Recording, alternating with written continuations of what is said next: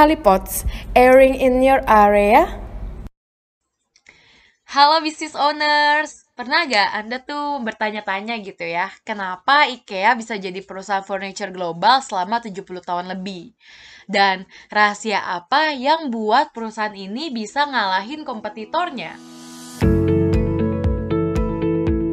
Siapa yang gak tahu IKEA? Sebuah pusat belanja furniture rumah yang super lengkap.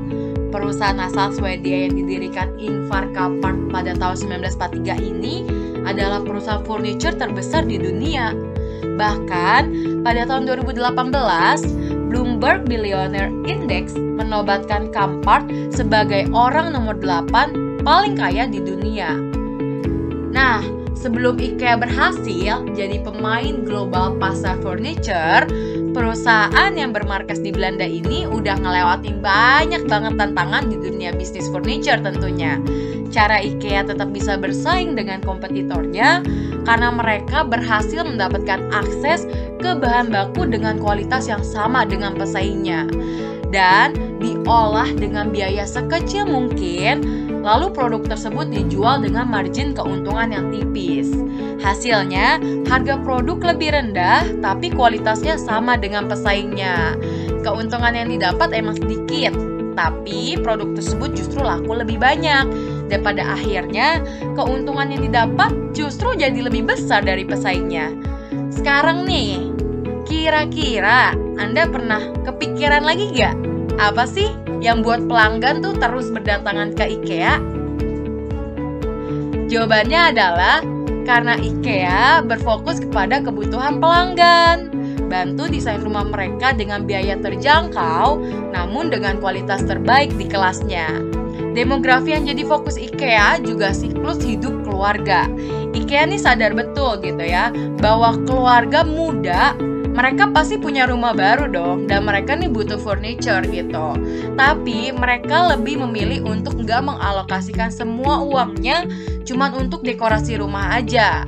Nah, maka dari itu, IKEA jual produk-produk furniture yang smart, ramah lingkungan, berkualitas, sekaligus dengan harga yang relatif terjangkau. Tapi ternyata nggak cuman itu, IKEA juga jalani strategi yang super jenius. Namanya IKEA Effect. Apakah Anda sadar bahwa IKEA selama ini bermain dengan pikiran Anda? Pernah gak Anda nih nanya gitu, kenapa layout di IKEA dibuat menyerupai terowongan? Jika di kebanyakan toko, anda langsung mengambil barang yang Anda butuhkan, yang Anda inginkan, kemudian Anda bayar lalu pergi dari toko itu, tapi beda dengan IKEA. IKEA menggunakan layout interior force path di mana pengunjungnya didorong untuk melihat semua produk-produk IKEA. Dan ini akan meningkatkan hasrat pengunjung untuk berbelanja. Menurut chief designer IKEA, Markus Engman, Desain interior layout IKEA ini didesain seolah-olah pengunjung sedang berkeliling dalam sebuah katalog yang indah. Makanya, pantas Anda betah kan kalau di IKEA?